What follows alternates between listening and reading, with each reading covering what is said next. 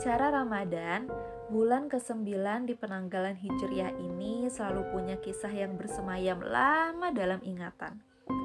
Ingatan pertamaku tentang Ramadan adalah saat usiaku lima tahun. Pertama kalinya aku mulai berpuasa dan sholat rawih. Meski dua dekade sudah berlalu, aku ingat betul pegalnya kaki saat sholat tarawih bersama mamah dan papa. Sebelas rokaat rasanya seperti tak pernah usai. Begitu juga saat-saat waktu beduk saat berpuasa terasa lama untuk digapai. Ada cerita lucu di puasa pertamaku. Saat itu baru jam 9 pagi. Saat sepupuku bilang ada puding coklat di dalam kulkas. Aku membuka kulkas untuk memastikannya sendiri kemudian mencicipi flak coklat dari pudingnya. Sontak sepupuku berteriak dan mentertawakanku karena katanya puasaku batal. Aku yang baru ingat jika saat itu sedang puasa, tak terpikirkan jalan keluar lain selain menangis dan berlari ke pelukan mama.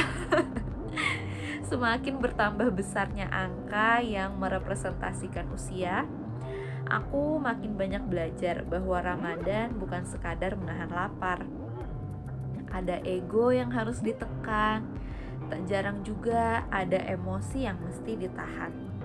Seringnya, Ramadan juga menjadi momen untuk merajut kembali kenangan bersama kawan-kawan.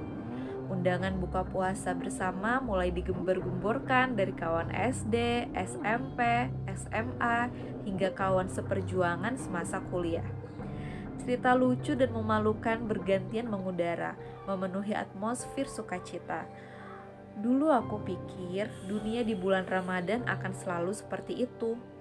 Tapi tak pernah dinyana ada virus berukuran mikro yang memporak-porandakan kemeriahan dunia. Kehidupan tiba-tiba lumpuh.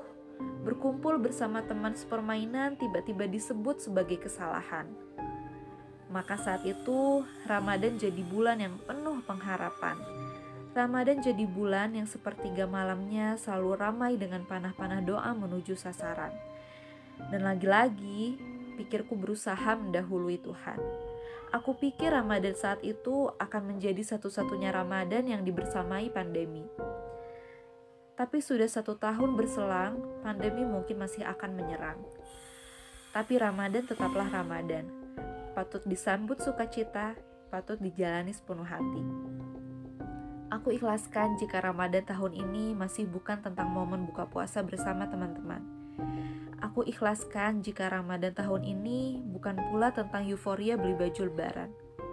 Deep down, aku tahu makna Ramadan lebih mulia dari hal-hal duniawi itu. Saat iblis dibelenggu, maka dosa-dosa yang mungkin dilakukan di bulan Ramadan adalah sepenuhnya tanggung jawab manusia. Dan bagaimanapun situasinya, aku berdoa agar Ramadan tahun ini bisa lebih berkualitas, lebih produktif, lebih berbinar dan gemilang dari tahun lalu. Karena bagaimanapun keadaannya, Ramadan tetaplah Ramadan. thank you